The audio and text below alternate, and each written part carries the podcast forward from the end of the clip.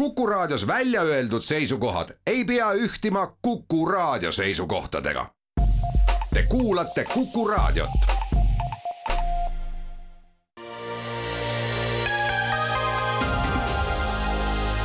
poliitikakuru. poliitikakuru tere päevast, tere, tere, hea poliitikakuru, kuru, kuru kuulaja. Eesti ja rahvusvahelise poliitika õhupall on sel nädalal olnud täis väga kanget heeliumit, lennanud väga kõrgelt, USA-s äh, toimusid vahevalimised, Putini tõprakari löödi Dnipro kaldalt minema, lääne kaldalt äh, siis äh, suur kliimakonverents on Eesti keskklassi lemmik lemmikasupaigas Sharm el Sheikhis käimas ja noh, meie Eesti poliitikat, elu, sõnavõtte ja, ja analüüse, nii edasi, poliitik, poliitikute analüüse varjutavad siis juba täielikult ähm, ees, eelolevad valimised. nii et on, mida analüüsida. täna, nagu te juba olete aru saanud, pole meiega Tõnis Lehemaa headat häält äh,, aga ärge muretsege, temaga on kõik hästi, ta omandab haridust äh,. meiega pole ka Annika Arrast, kellele kiiret paranemist soovime. küll aga on meil saates Tarmo Jüristu sihtasutusest Liberaalne Kodanik. tere ning äh, poliitikakuru toimetusest äh, Keit Kasemets. tere päevast! ja minu nimi on Eerik Moora ka poliitikakuru toimetusest. ja kõigepealt äh, enne kui läheme poliitika juurde, Eesti poliitika olukorra juurde, tahaks alustada rõõmusõnumiga, et meie saate üks kaassaatejuht ja meie poliitikakuru toimetuse tubli liige Tõnu Runnelile on põhjust meil soovida palju õnne, sellepärast et just äsja on ta saanud oma perre või nende perre on sündinud kaksikud. palju õnne! palju õnne, Tõnu! Palju õnne, Tõnu, jah! väga tähtis informatsioon. aga nüüd siis äh, Eesti äh, poliitika mullistustest. neli kuud enne valimisi äh, juba rapub ja koliseb äh, päris korralikult, kui vaadata kas või mis toimub jällegi Riigikogus, mis toimub äh, igal pool mujal, seda auru nagu on seal kaane all äh, ilmselgelt üha rohkem äh,. käime siis parteide hetkeseisu üle äh, veidike, et esiteks oli reitingute nädal Äh, selgituses, kes neid reitinguid pole jõudnud jälgida, noh, et lisaks reitingute nädal tähendab siis seda, et lisaks iganädalasele äh, reitingutele, mida Norstati uuringu põhjal tehakse, tulid lisaks ka siis Eesti või tulid turu-uuringute äh, Äh, aktsiaseltsi uuringud ka. kokkuvõte sealt lühidalt oli, kes, kes ei teadnud või ei ole uudiseid märganud, on siis see, et äh, Reformierakonnal on liidripositsioon, mis on võib-olla natukene kindlam kui siin paar nädalat tagasi, võib-olla kergelt nokk üles olnud. EKRE-l äh, on tekkinud mingi platoo või isegi mõnedes küsitlustes nokk alla, veidike seal kuskil kahekümne nelja ja kahekümne seitsme protsendi vahel siis Keskerakond on vajunud äh, päris sügavale, turu-uuringud ütlesid, et üheteist protsendi peale, äh, äh, siis ühiskonnauuringute ja Norstati küsitlus näitab neljateist protsenti, kuskil Eesti kakssada on seal noh, nagu laias laastus samas suurusjärgus, seal kümne kandis ja, ja teistel siis nii Isamaal kui sotsidel on olnud hapum nädal, ehk siis ühes küsitluses ühele näidati künnise lähedal olekut, teisele teises Tarmo, sina oled ähm, reitingute, numbrite, küsitluste maailmas äh, võib-olla kõige rohkem oma tund, elutunde äh, aega äh, veetev inimene, kuidas sa kommenteerid siis seda olukorda ja dünaamikat, kas on mingisuguseid olulisi tendentse ka? ma vanem inimene, mul neid elutunde ka rohkem olnud, et aga jah, et, et jooksvalt ka vist äh, kulutan tõesti üsna palju aega selle peale. Ja, ja siin muidugi tahaks kohe kõigepealt mürinal sae käima tõmmata selle osas, et, et see, kuidas Eestis reitinguid raporteeritakse, kuidas nendega ringi käiakse, on kahetsusväärselt kehv, see, see üldine tase, sest pannakse, võrreldakse ikkagi täiesti rutiinselt õunu apelsinidega ja jäetakse see mugavalt märkimata, et, et et tegu on väga erinevate, erinevate numbrite, erinevate küsitlustega. see turu-uuringute viimane mm, asi, mis pälvis tähelepanu siin näiteks ma tean sotside äh, ridades, äh, kus äh, pani, pani mitmel inimesel rinna rõõmust kummi et, et üheksa protsenti ikkagi, et, et sellega ollakse sellest surmatsoonist välja tulnud, siis turu-uuringute, uuringu osas kõigepealt esimene asi on see tähele panna, eks. Ma täpselt ei tea, et, et mis asjaoludel, et kas see on mingi suurema uuringu osa või see on eraldi reitinguküsitlus neil, aga selle järgi, mis sealt paistab, tundub, et neil on tuhandene valim, kust võetakse kõigepealt välja sada kakskümmend umbes siis mittekodanikku, jääb alles kaheksasada kaheksakümmend inimest, kellest mingil osal ei ole eelistust ja siis jääb alles kuuesaja seitsmekümne seitsmesajane valim. ühesõnaga, selle valimi puhul esimene asi, mida tähele panna selle valimi suurusest tulenevalt, on see, et statistiline viga on seal umbes neli protsendipunkti üles-alla. Äh, seda peaks alati arvestama, et, et noh, et kui sa võtad näiteks siis see, see on see kontekst, et mis näiteks isegi kui äh, reiting on üheksa, äh, üheksa protsenti, siis statistilise vea sisse mahub ka viis. Et kui see sealt mhm, allapoole tuleb. nii et mõistlikum oleks öelda, et sotside ja Isamaa reiting oli kaks kuni kümme või? jah, see on Aga umbes see täpsusega. sa tahad sellega öelda, et sa kritiseerid nüüd seda, et, ähm, et need reitingud võib-olla ei ole kõige õigemad, et kas see siis ei näita tegelikult seda tänast adekvaatset pilti või, ei, ei, või ma, äh... ma tahtsin siit jõuda isegi tegelikult suurema probleemini. üks asi, mis ma esimesena tahtsin lihtsalt panna lauale ja ära märkida seda, et äh, reitingud raporteeritakse punkthinnangutena, tegelikult neid peaks raporteerima vahemikena. ja see vahemik sõltub sellest, kui palju inimesi on küsitletud, on ju, eks, et kui kindel ma saan olla, et see reiting tegelikult selles vahemikus on. nüüd suurem probleem on selle juures see, et turu-uuringute küsitlus on, on veebipaneel, et see küsitlus viiakse läbi veebis ja isegi siis, kui see noh, nii-öelda see valim on representatiivne, et seal on esindatud õiges proportsioonis mehed, naised, noored, vanad, rikkad äh,, rikkad, vaesed, eestlased, venelased, kõik nii edasi, siis on häda selles, et inimesed, kes vastavad veebis, on iseennast üles andnud sinna vastama, nad on ise avaldanud soovi ja valmisolekut seal vastata. ja see on väga erinev sellest, kui helistatakse lambist telefoniga kellelegi ja küsitakse, keda sa helistad. mis see, mis see on, kuhu ma sihin, on see, et veebivalim on kaldega, et seal on äh, need inimesed, kes seal on, isegi kui nad katavad neid rühmi, mis nagu tegelikult äh, rahvastikus on, ei ole tingimata nende rühmade head esindajad. Ja mis, ja nüüd ma jõuan selle juurde, et et äh, teadaolevalt neid kaldeid on terve hulk, mis, mis kallutab, näiteks veebipaneelid näitavad Keskerakonna toetust tavaliselt madalamana, kui see, kui see üldiselt populatsioonis on telefoni järgi või valimistel on. sotside toetus, toetust ja Eesti kahesaja toetust tavaliselt veidikene kõrgemana ja tervet hulka muid selliseid asju, nii et et see on väga libe tee selle pealt minna ennustama, kuidas, kuidas valimised lähevad. mina ikkagi läheksin selle libedale teele ja jätaksin kõik need äh, väiksed detailid siin kõrvale ja, ja teeksin niisuguse järelduse, et tegelikult me täna väga-väga pika aja oleme jõudnud Eesti poliitikas olukorda, noh, see on ka varem olnud kunagi, aga kus meil on ikkagi kaks suurt, kelle vahel käib siis see suur vastandumine ja kuigi seda on siin palju räägitud, see on kuidagi kunstlik ja see on kokku lepitud ja noh, ma pigem on see noh, nii ongi poliitikas, et sul tekib kaks vastandlikku jõudu niisugustes olukordades, nagu meil täna on, kus on sõda, eks ju, ja kus on üldse väga nii-öelda ühiskonnad on väga polariseerunud ja kõik teemad äh, nii-öelda väga võimenduvad ühele või teisele poole ja siis meil on neli erakonda, kes on seal kõik enam-vähem võrdsed seal, ütleme kaks korda allpool, et Äh, seal paar protsenti siia-sinna äh, tegelikult noh, ütleme selles reitingutes nii suurt rolli ei mängi, et nüüd et pigem, mis on nende see põhiline ülesanne, on nüüd see, et mis saavad olema nende nimekirjad, mis saab olema reaalne kampaania, mis saavad olema kampaania sõnumid ja kui palju nad ennast suudavad siis sealt sellest noh, nii-öelda sellest enam-vähem võrdsest olukorrast, kus nad seal minu hinnangul kõik on, ülespoole pressida Keit, aga see ongi osa, see osa teest, mis ei ole libe. et äh, need on nüüd äh, sellised äh, suured üldised tähelepanekud, et tõepoolest see, et EKRE ja Reformierakond on teistest ees, on väljas, väljas, nad on ees väljaspool statistilist viga ja nad on ees ka nii palju, et see valimi kallutatus tõenäoliselt seda ei väära. küll aga seda, et, et kui siin võtta üks teine mm, lahe uudis, mis välja tuli, Eerik, mille sina välja ka noppisid, oli see, et, et kus siis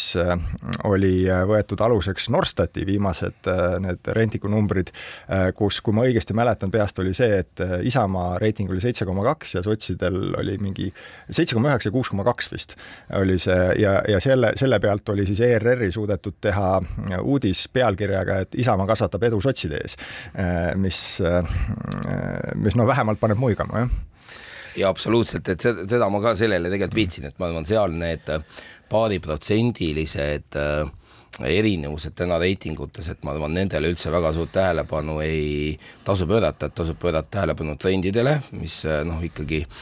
minu hinnangul näitavad seda, et äh, sotsid, Isamaa ja Eesti kakssada nagu laias plaanis nagu seisavad paigal, enam-vähem nagu ühe koha peal, okei okay,, natuke siia-sinna, ja kesk on olnud siis väikses niisuguses langustrendis alates sõja algusest äh, ja et no, kui millal see langus pead, ei no ütleme nüüd jah, et et et äh, viimasel ajal ei ole see olnud enam nii kiire kukkumine, et äh, et nüüd oleneb, et kas see langus peatub, millal ta peatub ja et mis siis selles reaalses valimissituatsioonis saab, saab see Keskerakonna tulemus äh, olema. ja, jah, ja, ja, ja noh, selle trendi selline ähm, mõnes mõttes nagu stabiilsus või see, mis on praegu juba, juba nagu mitmeid kuid iseloomulik olnud ja, ja see numbrite erinevus muidugi mm, teeb, teeb sellise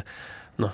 seab väga selge kahtluse alla selle äh, Jüri Ratase väite tõe, tõeväärtuse, et, et Keskerakond on võidukursil. esimeses stuudios jah, jah, et, et saatel, Keskerakond et, võidab ikkagi need et kõik see muu jah, et, ei loe midagi ja Keskerakond võidab mina arvan, ta sai, sai innustust ikkagi sellest äh, viimase kuu vist või millal Viktor Vassiljev poliitikast loobus ikkagi Viktor Vassiljevi täiesti suurepärasest hoogsast intervjuust, mida ma tagantjärele soovitan kõigil lugeda, kus Viktor Vassiljev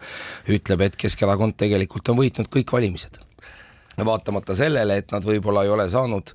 kõige, kõige rohkem hääli, siis nad on tegelikult ikkagi, ikkagi alati need valimised võitnud. Ja võib-olla Jüri Ratas pidas ka seda silmas, ega ta ju täpselt ei täpsustanud täpselt, et, et noh, mis, mis tulemuse, no mis tulemus see Keskerakonna võitu tähendab. jah, ja kuidas erakondadel on õnnestunud valimisteks siis joonduda ja, ja milliseid selliseid märgilisi lisandusi ja lahkumisi on tulnud oodata või on näha, kuulame pärast väikest pausi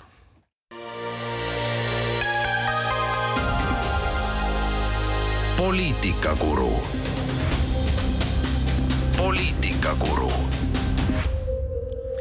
Poliitikakuru jätkab koosseisus Tarmo Jüristo, Keit Kasemets ja Erik Moora ja me siis äh, lubasime vaadata, kuidas äh, Eesti parteid on siis nüüd nagu valimisteks kuidagi rivistumas äh,, mis nad on siis ise ka tegemas äh,, kuidas ennast äh, täiendamas või, või nõrgenemas ähm,. Ähm, mitte siis ainult nagu reitingute tasandil, vaid just nende sammude ja, ja ennekõike just värskete nägude tasandil. seda enam, et just äsja värskelt ju äh, saabus uudis, et ähm, et Sotsiaaldemokraatliku Erakonna eelmine esimees äh, Indrek Saar äh, ei kandideeri enam aga selle eest kandideerivad Varro Vooglaid ja Markus Järvik, küll mitte siis sotside, vaid EKRE ridades. jah, sellest nädalast. ja, ja ma ei teagi, kust alustada, et alustamegi võib-olla nendest nagu äh, toetuse mõttes madalama otsa erakondadest natukene et, ähm, et eks need sõnumid veel tulevad ka, ma arvan, et paljudel on seal ikkagi võib-olla midagi varuks või kuskil keegi, mõni üllatus äh, on ka positiivses mõttes, aga tegelikult mida ju seesama, see reitingute madalolek tähendabki, et ka seda, et neil, äh, see ennustab nagu seda, et äh, ka praegustel tipp-poliitikutel, kes seal on, on esiteks mure oma koha pärast, teiseks nad juba teavad, et kõik suure tõenäosusega ei mahu ja, ja see tähendab seda, et tehakse ka võib-olla vähem pingutusi uute nimede juurdetoomisel ja, ja ka raskusi. tegelikult suur probleem, eks ju no, sest tegelikult selle koog jääb veel väiksemaks ja ma arvan, et Isamaa ja sotside puhul mõlemad, et kui me nüüd vaatame neid äh, ja nimekirjade koostamist, et no ega väga palju neid uusi nimesid ei saa enam tulla, sest ega valimisteni nii palju aega enam äh, jäänud ei ole, mitmed, äh, kes eelmine kord kandideerisid, ei kandideeri, noh Isamaa puhul, tegelikult ka sotside puhul, nii et see kindlasti äh,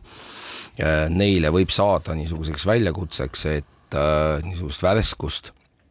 Nimekirjades, äh, nimekirjades ei ole ja, ja inimesed, küsimus, et et kui inimestel lõpuks on see valik, et kelle poolt minna ja hääletada, siis nad, kui nad otsivad mingit värskust, ma ei tea, valivad siis Eesti kahtesadat või siis valivad nende ühte sellest kahest suurest, eks ju, et mis, mis teeb see suhteliselt hapraks ikkagi Isamaa ja sotside olukorra. kui Eerik ütles, et alustame madalalt, siis ma just korraks peas mõtlesin, kui madalalt me alustame, ma sain aru, et me parempoolsetest ja rohelistest hüppasime üle ikkagi jah, et, et siis Isamaa osas lihtsalt ma ütleksin, et, et Isamaa mingis mõttes alustas selle värskendusega juba varem, selle äh, koalitsiooni äh,, uue koalitsiooniga, kus nad tõid sisse Järvani ja Lea Danilsoni järgi, kes on äh, noh, ikkagi selles mõttes nagu valitavate poliitikutena uued näod. nüüd see, kui hästi neil läheb, sõltub päris palju nüüd sellest, eks, et mis saab näiteks sellesama elektri universaalteenuse teenusega, mille äh, siis Isamaa on kõrgele masti tõmmanud ja aheldanud äh, Järvani külge, eks. Äh, mis, kuidas Lea Danilsoni järgil läheb siin näiteks sellesama mm, viisnurkadega võitlemise ja ja kõigi muude selliste asjadega, et need on suured lahtised asjad, aga teiselt poolt muidugi, millele Keit juba ka möödaminnes vih-, vihjas, ma eeldan, oli, et Isamaalt kindlasti on minemas ära Viktoria Ladõnskaja-Kubits ja, ja minu jaoks on väga huvitav küsimus see, et, et kas jätkab Sven Sester, kes on äh, Isamaa pikaajaline raudvara olnud äh, Riigikogus ja mitmekordne minister. nii et jah, et siin on, äh, siin on asju küll, mida silmas pidada. nojah, ja, ja, ja ja sama lugu on ju tegelikult sotsidega ka, et ega Indrek Saar ei ole ainukene kes kõhkles ja, ja kui mõelda, et kõhklejate seas on ka nende selliseid nagu ennast tõestanud häältemagneteid, kas või nagu Katri Raik, kes on seni, kellest senise info põhjal on ta ju avalikult öelnud, et ta ei kandideeri enam või, või siis Viljandis Helmen Kütt, kes on alati Viljandis väga palju hääli saanud ja Viljandi on üks väheseid või ainuke omavalitsus, kus sotsid on stabiilselt valimisvõit, võidule pretendeerinud või seal lähedal olnud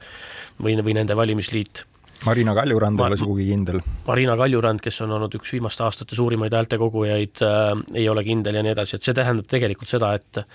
et see erakonna üldine madalseis just äh, niisugustest asjadest sõltuvalt võib äh, saadagi sellise nagu tõsise hoobi. no siin on ka kindlasti see aspekt veel, et missuguse selle nii-öelda nagu nagu siis äh, spordis on, et ikkagi võistkond peab niisuguse hea tuhhiga minema peale, et kui on palju niisuguseid kõhkleid, eks ju, et siis ma seda ka energiat ja seda, et kui tõsiselt sa võtad valimiskampaaniat, kui palju sa panustad sellesse, et isegi kui sa lõpuks kandideerid, et, äh, et seal ka kindlasti on, äh, on väike vahe, et noh, eks see palju kõhklejaid ja see näitabki, et ikkagi seda, seda suurepärast hoogu täna ei ole, vaatamata sellele, mis on ju huvitav, et mõlemad erakonnad ikkagi valitsuses on tegelikult pildis Äh, tugevalt ja, ja, ja no ütleme, saavad ka oma poliitikat ikkagi täna äh, niivõrd-kuivõrd äh, ellu viia. ja ma ütleks, et sotside puhul on siin eraldi haavatavus või asi, mida silmas pidada, on ajalooliselt on sotsidel olnud väga suurt probleemi oma valijate väljatoomisega, et nende nii-öelda defitsiit lõpuks häältes võrreldes reitinguga on tavaliselt kõige noh, nagu olulisem. ta ei ole absoluutnumbris võib-olla kõige suurem, aga kõige olulisem ja see tähendab, et, et kui nad äh, võbelevad kuskil seal äh, noh, kuue protsendi all, äh, kui juhtub nii, millele just Keit viitas, et, et seda, see kõhklus või asi levib, et inimestel ei ole seda veendumust ja hoogu, mille pealt minna tegema, seal on oht selleks samaks nagu pudenemise laviiniks, et, et kui Katri Raik peaks ütlema, et tema ei lähe, et, et siis see võib tuua kaasa järgmisi, siis meil on siin asi, mis nüüd sai ju, on ju ka kaks nädalat tagasi vist jõudis kõikide põhimõtteliselt ka üleriiklike lehtede esikaanele, mitte ainult Tartu Postimehes, et sotside sisemised äh, nääklemised ja võimuvõitlused äh, Tartus, mis on olnud neile ka ikkagi üks äh, tugevaid ringkondi ja kus siis see päädis eks sellega, et, et Facebookis andis oma lahkumisavalduse esitamisest teada Tartu linna aselinnapea Gea, Gea Kangilaski, kes on nende üks suuri häälemagneteid Tartus. ma saan aru, et see olukord on praegu kuidagimoodi vähemalt siis esialgselt kaane alla pandud ja, ja nüüd tuli, on ju, eks neil siis Tartusse uus Äh, esinumber äh, ja, ja vaatab, mis sealt nüüd edasi saab. aga seal neid haprusi on palju ja see on sotside jaoks selles mõttes palju ohtlikum olukord kui Isamaa jaoks, kes ka on, ei ole nüüd tea, mis kaugel on ju, eks, aga Isamaa on suutnud varasemalt vähemalt näidanud, et nad suudavad ennast enne valimisi äh, mobiliseerida, muuhulgas siis ka noh, ühe lahke tundmatuks soovi, soov, soovida jääva Eesti helde pankuri toel oma neid kampaaniaid lõpus forsseerinud ja, ja nende puhul võib-olla on seda muret, neil on võib-olla veidi vähem muret, olla põhjust mures olla, aga sotside puhul see on tõsine mure praegu. jah, ja üldse see tegelikult on ka minu, minu hinnangul on see ka kogu Eesti poliitika mure, et ka nendel tugevamatel erakondadel, olgem ausad, Reformierakonnal seal eesotsas, kelle toetus on ju stabiilselt kõige kõrgem olnud ja võiks olla nagu sellist nagu peibutusvõimet või oleks, võiks olla midagi pakkuda, siis tegelikult pigem ikkagi neid uusi nägusid üldse ei ole reformi puhul ma arvan, pigem natukene... see probleem on selles, et nende,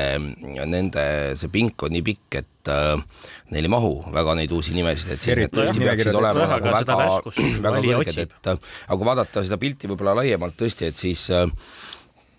et eks kõik erakonnad on endale, see julgeolek on peamine teema, on äh, proovinud äh, tuua julgeolekueksperte juurde, teistpidi see on olnud ka võimalik, et ega kui sa võtta seda teistpidi, et, et kaaluda, et miks inimesed lähevad poliitikasse, et, et et noh, oleme ausad, ikkagi valdavalt siis, kui hetkel ei ole ka mingeid muid väljakutseid, et see on ka suur argument ja väga paljud nendest, ütleme siis nendest julgeolekuekspertidest on ju niisugused, kes on siis reservis olevad äh,, olevad siis äh, sõjaväelased või siis äh,, või siis ka ütleme oma nendelt eelmistelt ametikohtadelt taandunud, äh, taandunud inimesed, et ma arvan, nad ongi niisugune mingis mõttes nagu loomulik äh, loomulik sihtmärk ja, äh, erakondadele, et kelle juurde esimesena minnakse. kui tähtis see julgeoleku teema ka on, on ju, mm, sellel korral ja siis see, see on isegi võib-olla väärib nagu natuke üleslugemist, kuna kuulajad ei ole seda võib-olla kõike seda märganudki. aga tõesti, kõik erakonnad on siis siin viimase aasta jooksul või selle viimaste kuude jooksul endale kõvasti seda täiendust kogunud, võib-olla kõige jämedama otsa, kõige kõrgemad pagunid äh, on saanud endale nimekirja siis Reformierakond, kus kandideerib kindralmajor Meelis Kiili, kes oli Kaitseliidu ülem, ja, ja kontradmiral Igor Švede, kes oli mereväe ülem ja, ja, ja Kaitse, Kaitseväe peastaabi ülem. Ähm, aga, aga, aga näiteks Keskerakonnaga liitus kindralmajor Neeme Väli sinna mõned kuud tagasi juba, äh, brigaadikindral ähm, Artur Tiganik see, on siis nagu üks pagun altpoolt natukene, siis kandideerib Isamaas, äh, on õnnestunud täiendada, siis äh, Eesti kakssada on kuulutanud ju välja, et nende ridades kandideerib äh, kolonel Peeter Tali, tuntud strateegilise kommunikatsiooni ekspert. kui pagunid Kalev, kõrvale jätta, Kalev Stoicescu, jah? Kalev Stoicescu, kes on kindlasti julgeolekueksperdina hinnatud ja tuntud ja, ja, ja sotsidel oli ette näidata siis kolonel Aivar Jaeski liitumine ehk siis ähm, uued näod poliitikas kõik haagivad selle julgeoleku teemaga, sellega erakonnad tahavad siis seda sõnumit anda ja mõnes mõttes võib-olla ka nullivad need üksteise täiendused natukene ära, lihtsalt sellega, et, et igaühte on lisandunud mingisugune tugev äh, selline julgeoleku inimene ja EKRE-sse tuli muidugi Varro Vooglaid ja Markus Järvi. ja et aga ma tahaks natuke võib-olla selle kohta võiks isegi korraks sellest rääkida, et äh, et ma arvan, EKRE-l oli oli nagu kaks võimalust ja, ja sama nagu tegelikult paremäärmuslikel erakondadel igal pool maailmas või üle Euroopa, et et Äh, et nendele valimistele vastu minnes, et kas siis minna rohkem sinna nii-öelda mainstream'i või peavoolu, ikkagi proovida saada enda ridadesse ka niisuguseid tasakaalukamaid kandidaate, kes võib-olla esindaks niisugust tasakaalustamatumat konservatiivsust ja, ja seda poolt, või siis pigem minna nagu äärmusesse ja, ja tegelikult täna kindlasti EKRE ikkagi läheb nii selle Varro Vooglaiu ja Markus Järviga, noh kindlasti ka seal Ivan Makarov. täpselt ei tea, aga ma arvan, need äh, Elvis Bauer ja kes seal olid, need suured vaktsiini vastased ka kandideerivad EKRE nimekirjas, võib-olla see on oletus nüüd, ma võib-olla praegu, et see nüüd ei olnud, ma, see ei ole mm. tõsikindel fakt, aga me ei ole näinud vähemalt neid väga palju niisuguseid peavoolu inimesi EKRE-ga, EKRE-ga liitumas, et, et pigem kui me vaatame, et kes praegu võtavad ikkagi EKRE-s jällegi noh, nii-öelda üle, siis äh, kogu ka seda retoorikat ja et siis, siis on ta pigem ikkagi niisugune äh,, kaldub äh, pigem ikkagi hoopis teisele poole ja ma arvan, see võib olla ka väike tagasilöök EKRE-le, et mis võib-olla panebki selle platoo ette, kust ikkagi ei ole võimalik jällegi edasi minna, ma näen siin Tarmo vangutab pead, aga vist peame tegema pausi vahepeal. teeme pausi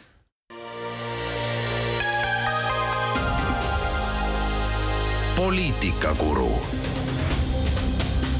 poliitikakuru tere, olete kuulamas Poliitikakuru saadet, stuudios Tarmo Jüristo, Keit Kasemets, Erik Moora ja me läheme sellise poliitika julgeolekustamisega edasi, et tegelikult neid näiteid ja teemasid on ju siin veel palju, mis, mis viitavad sellele, kuidas kuidas noh, võib-olla mõnes mõttes Eesti ajaloos ikkagi nagu pretsedenditult on, on tegelikult julgeoleku teemat kistud esiteks on ju poliitilisse debatti ja teistpidi muud teemad poliitilises debatis on kistud julgeoleku paradigmasse. et, äh, et need kaks asja, sellist protsessi toimuvad, kumbki pole iseenesest asi, mille üle õnnelik olla, aga, aga, aga, aga need igal juhul toimuvad, et üks on siis üks juhtum, millest äh, paari sõnaga võiks rääkida, on siis see, et äh, sel nädalal sõlmisid Eesti ja äh, Ühendkuningriik siis kaitsekoostöölepingu, milles panna paika täpselt see, kuidas, mil viisil siis hakatakse Madriidi, NATO Madriidi tippkohtumisel kokku lepitut ellu viima. Ja, ja julgeolekuspetsialistid või julgeoleku sellised nagu praktilised ehitajad, planeerijad, juhid üldiselt olid, ütlesid, et tegemist on väga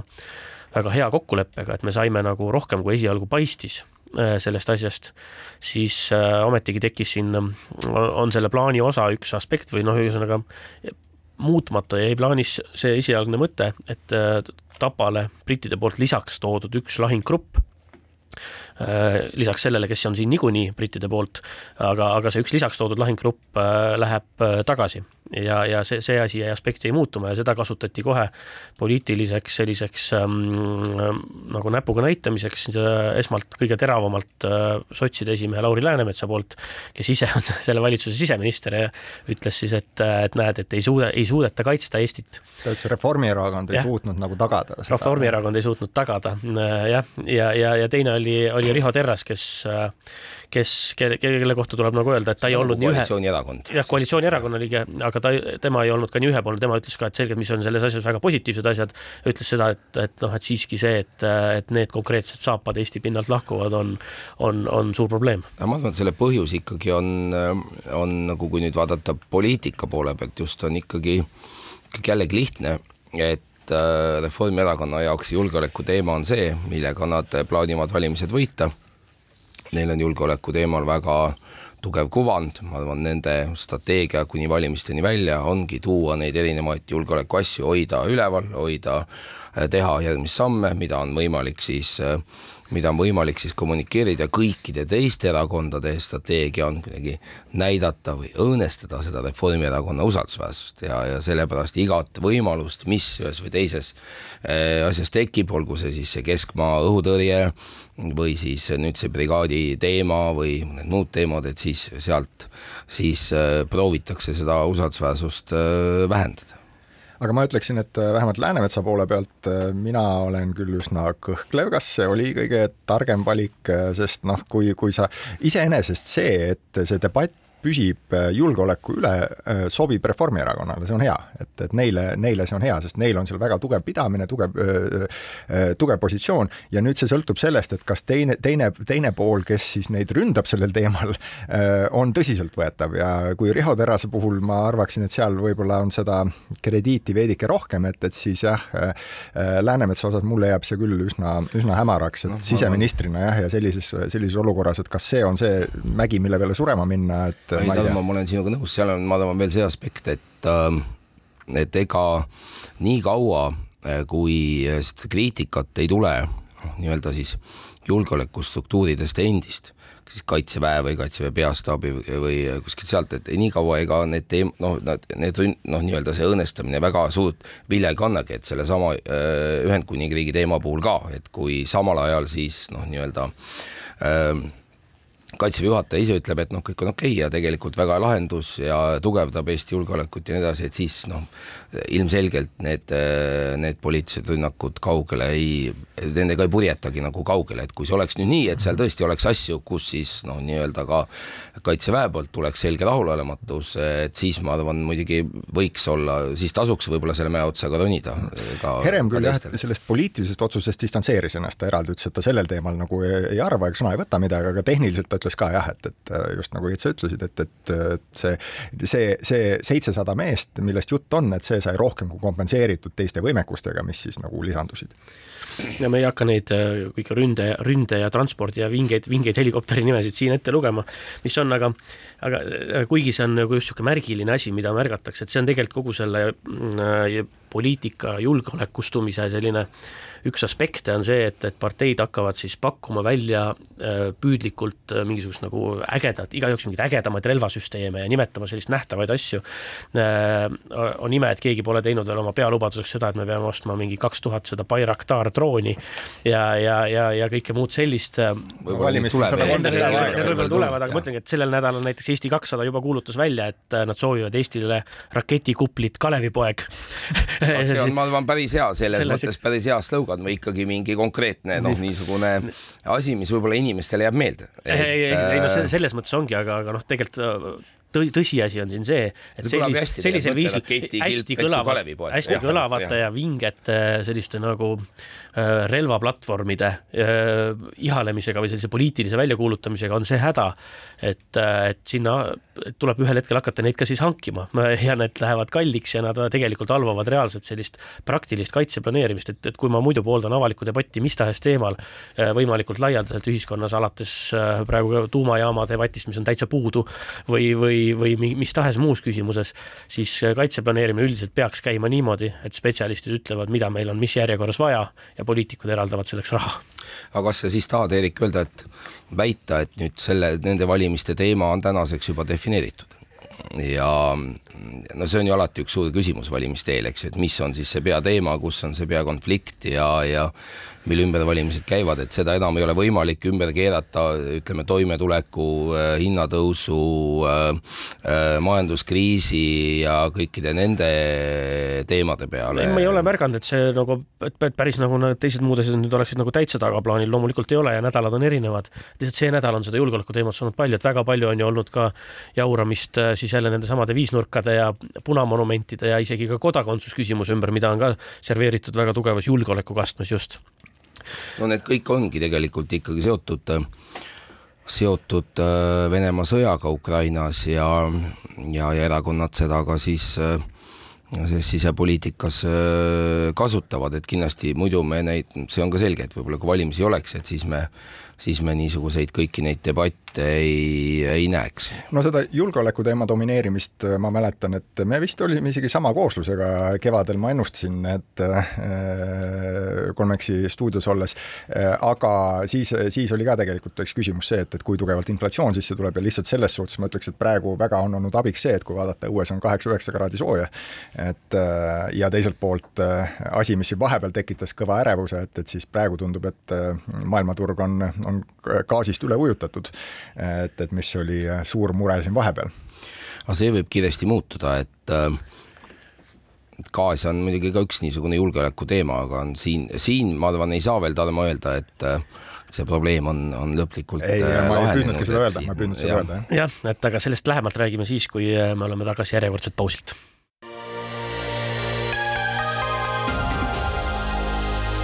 poliitikakuru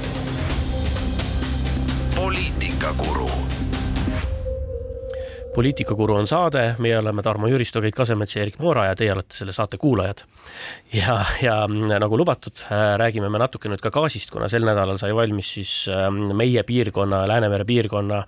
Äh, gaasivõrgu operaatorite siis gaasivarustuse analüüs, mida Taavi Veskimägi, Eleringi juht, nii edukalt siis ähm, esitles äh, hoogsate, hoogsate pealkirjadega, kuidas oleme imet teinud ja sel talvel keegi gaasita ei jää.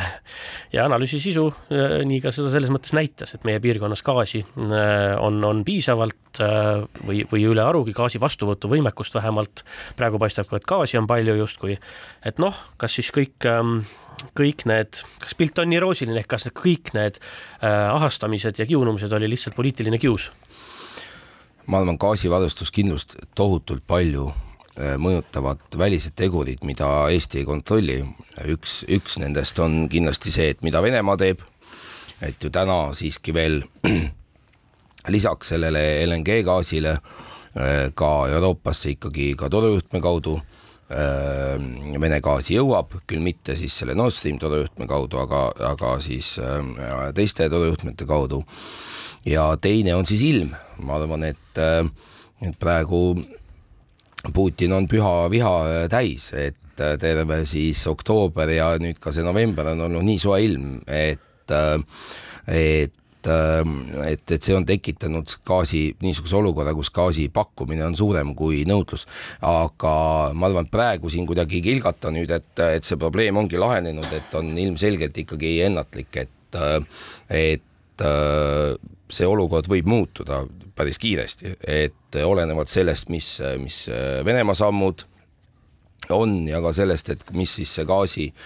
gaasinõudlus saab, saab olema, et noh, siseriiklik teema rohkem on see, et, et üritatakse väita, et kui meil oleks nüüd oma terminal, et siis gaasi hind oleks oluliselt odavam. ja, ja ütleme, võib-olla see on nüüd üks teema, mida, mida korraks võib võib arutada, aga mis on veidikene teoreetiline, sest me seda lõpuni teada kuidagi ei saa ja kui me vaatame teiste riikide näiteid, et siis ega ka Leedus ei ole tegelikult gaasi hind oluliselt odavam no, kui, kui, kui ta on Eestis, et, seal on, on oma terminal. et mis on kohalikele tööstusettevõtetele sellest hetkest, kui Leedus tekkis gaasiterminal, olnud gaasi hinna vahe Eestiga ja tulemus on see, et Eesti, Leedu tööstustele, Eesti tööstustele on hind olnud kogu aeg ühesugune. laias laastus, et võib-olla seal mingid mikrovahed on olnud kord üht, kord teistpidi, et tõsi oli küll see, et selle terminali tulek siia meie piirkonda tegi äh, gaasi hinda odavamaks. ehk siis, äh, ehk siis gaas, aga see jõudis täpselt samamoodi ulatusse ka Eestisse ja et kui me vaatame seda TTF spoti hinda tõesti, mille järgi siis see gaasi nii-öelda rahvusvaheline turuhind, et see on tõesti praegu päris, päris madal, aga see ikkagi peegeldab niisugust globaalset hinda, et, et päriselt vaadates seda olukorda, et siis,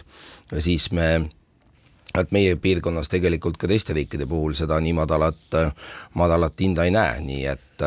et noh, raske öelda, et kui, kas ja kui palju see tegelikult siis äh, oleks muutnud ja noh, ma arvan, et me siiski peame olema valmis ka selleks, et et päris talveperioodil see gaasi hind ikkagi päris niisuguseks ei jää, et ta ikkagi, ikkagi noh, kerib ülespoole tagasi. ja noh, see on ka seotud kogu siis selle Euroopa Liidu energiaturu debatiga ja sellega, et kas ikka kuidagi gaasi hinda lahti siduda sellest äh, elektri, elektri hinnast ja, ja kui nüüd gaasi hind on madal, et siis kuidagi motivatsioon selleks on vähenenud, eks ju, et vaadatakse noh, et äkki ei olegi vaja, et noh, ma arvan siin selle niisuguse passiivsusega võib ka lõigata endale näppu, sest ta ikkagi prognoosid, ma arvan, näitavad, äh, näitavad ikkagi talveks oluliselt Äh, oluliselt äh, kõrgemat äh, hinda, nii et ega me täna ei tea, ma arvan, et keegi ikkagi otseselt ei tea, et kas see, mis hinnaga me seda gaasi siis ähm, sellel talvel saame, kas teda nüüd otseselt puudu meie piirkonnas või Eestis jääb, et, et siin pigem täna julgeks väita, et et ei jää puudu. ja nojah, ongi, aga seda lihtsalt on nagu avalikus äh, debatis on siin kogu aeg esitatud nagu see olukord oleks fifty-fifty, et kas meil, et nagu umbes viiskümmend, viiskümmend, et kas meil gaasi jagub või ei jagu, et kaks varianti on ju ja justkui, et me selle ühe variandi vastu, kui meil teda ei jagu, ähm, äh, siis me oleme nagu ennast jätnud täielikult kindlustamata, siis see konstruktsioon on selles mõttes vale, et ikkagi gaasi jätkub, seda, et gaasi jätkub, see on seal umbes nagu üheksakümmend üheksa protsenti, kui seda varustuskindluse analüüsiga vaadata ja, ja, ja need ülierandkorrad, asjad, mis võivad nagu neid probleeme põhjustada, peaks tegelikult ka Eesti varustus olema kaetud ka nendel juhtudel, aga, aga on äh, küll on nagu neid selliseid nagu muresignaale on siin ka, äh, mis näiteks üks on see, et, et et äh, siis turule oodatud selle aasta algusest saadik ähm, Soome äh, Olkiluoto kolmas tuumaelektrijaam, mis on siis see uus tuumaelektrijaam, tegelikult faktiliselt siiski pole tööle hakanud, et tal on küll üksikuid hetki, kui teda koormati üles, aga kohe tekkisid seal mingisugused probleemid, tuli ta võtta maha ja ega ta see aasta tööle ka ei hakka. Et äh, jälle mingisugused äh, kõik, kõik mingisugused torud olid, olid äh, pragudega ja, ja nii edasi, et eks selle tuumaenergiaga ongi nii, et ta läheb ikka väga raskelt, et ka selle kogu suve Euroopa ülikõrgete hindade taust oli ka see, et Prantsuse, kes on väga suur tuumaelektri tootja, jaamad olid massiliselt väljas. jaamad on ka kõik hoolduses, eks ju, ja, ja kuidagi ei saa neid tööle. Nii ei, ei saada tööle, et rääkides sellega võrra-, et kui räägitakse muidu kogu aeg sellega, et mis saab siis, kui tuul ei puhu ja päike ei paista, et küll on siis need taastuvad energiad halb, aga aga küsiks siis, mis saab siis, kui tuumajaama ühes torus on väike pragu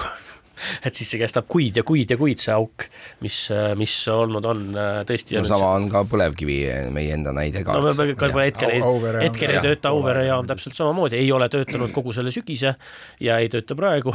ja, ja küsimus, kui ta nüüd tööle pannakse taas jälle, et kuidas, kuidas, kas ta siis nagu võtab hoo üles või ei võta, seda me veel ei tea. no lubatud, et nüüd ta töötab nagu raudnael edasi siis elu näitab. ma olen, ma mäletan seda lubadust äh, paljudest aastatest alates juba see, seda enne seda, kui seda ehitama ehitama hakati, öeldi, et põlevkivitehnoloogia, see on meie selline, me valdame seda, me oskame seda ja nii edasi, lõpuks ehitati ja, jaam, mis on üle poole ajast olnud äh, rivist väljas. jaa, ma saan aru, et seda põhjendatakse sellega, et no aga meie ju ei ehitanud, et ehitasid need prantslased, vaata, need ei osanud need, need osasid tuumajaamasid ehitada. ei saa öelda, et ka kõik meie muud tuuma, need äh, põle, põlevkivijaamad nii hästi töötaksid, mida sada aastat on siin ehitatud, aga nüüd teeme väikse äh, nagu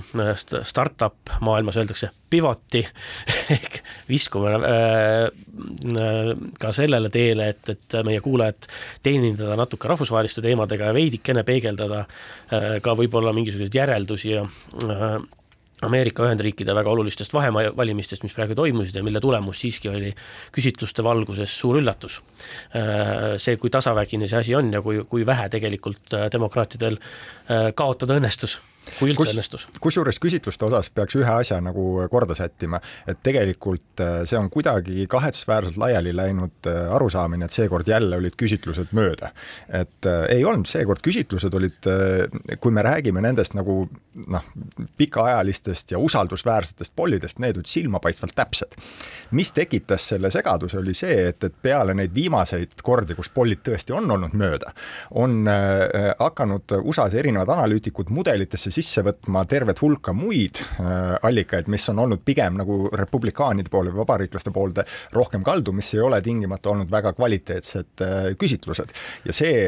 viimastel nädalatel, need näitasid siis vabariiklastele suuremat toetust ja see on see, mis nihutas seda osutit, aga seda öelda, et seekord küsitlused mööda olid, ei saa. no isegi, no siiski paljud ennustasid jah seda, et, et vabariiklased saavutavad ikkagi nagu selles esindajate kojas nagu väga suure enamuse, praegu on küsimus, kas nad üldse enamuse saavutavad mm -hmm. ja senat äh, samamoodi tõenäoliselt paistab, et ähm, võib, on tõenäolisem võib-olla hoopis natuke see, et demokraatidel jääb seal kontroll,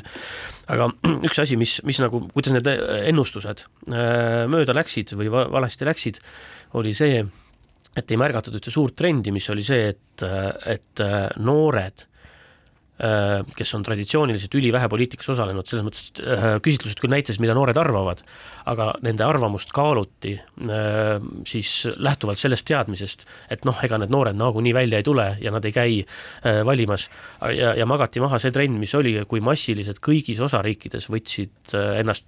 Ameerikas peab ennast valijaks eelnevalt registreerima, kui palju noored registreerisid ennast valima mm, ja, ja, ja needsamad noored, kes siis sealt küsitlustest nende kaalumistega välja jäeti, jäeti, äh, tegelikult tulid ka väga massiliselt valima. et see on võib-olla niisugune ja, ja peamiselt neid kannustas siis kaks teemat, üks oli siis äh, mitte siis see majandusteemad, vaid üks neist oli siis abordi teema ja teine siis see keskkonna ja kliima teema, äh, mis noori kogu maailmas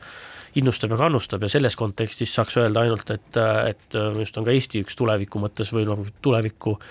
sellise vastupidavuse mõttes strateegiline eesmärk on see, et kuidas meil tekitada noorte seas samasugune entusiastlik tunnetus ja et nad hakkaksid kaasa rääkima eelolevatel valimistel.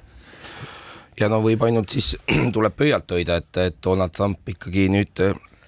otsustaks uuesti kandideerida äh, presidendiks, et ma arvan, et äh,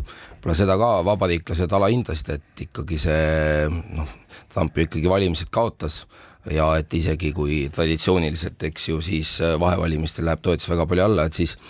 need Trumpi kandidaatidel läks ikkagi võrdlemisi, Trumpi toetatud kandidaatidel läks ikkagi võrdlemisi äh, kehvasti, nii et see ei olnud ainult see aktiivsusteema, vaid tegelikult ka, kes olid need vabariiklaste kandidaadid mitu ja... asja langesid kokku jah, ühelt poolt oli see, et täpselt need kandidaadid, keda Trump toetas ja need, kes ütlesid, et eelmised valimised, presidendivalimised võltsitud, neil läks silmapaistvalt halvasti.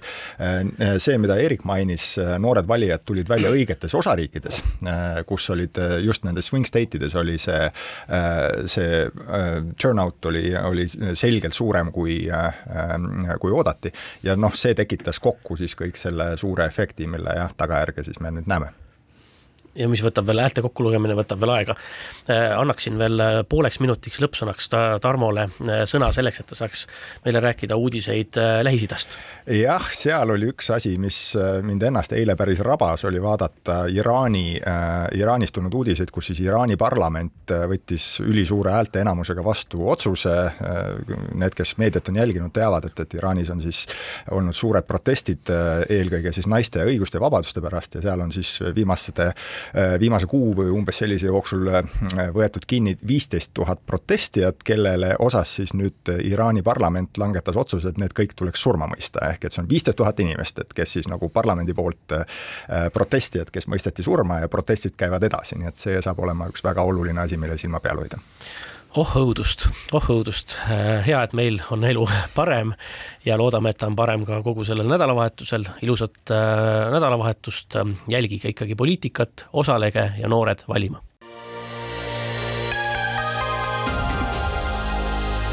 poliitikakuru.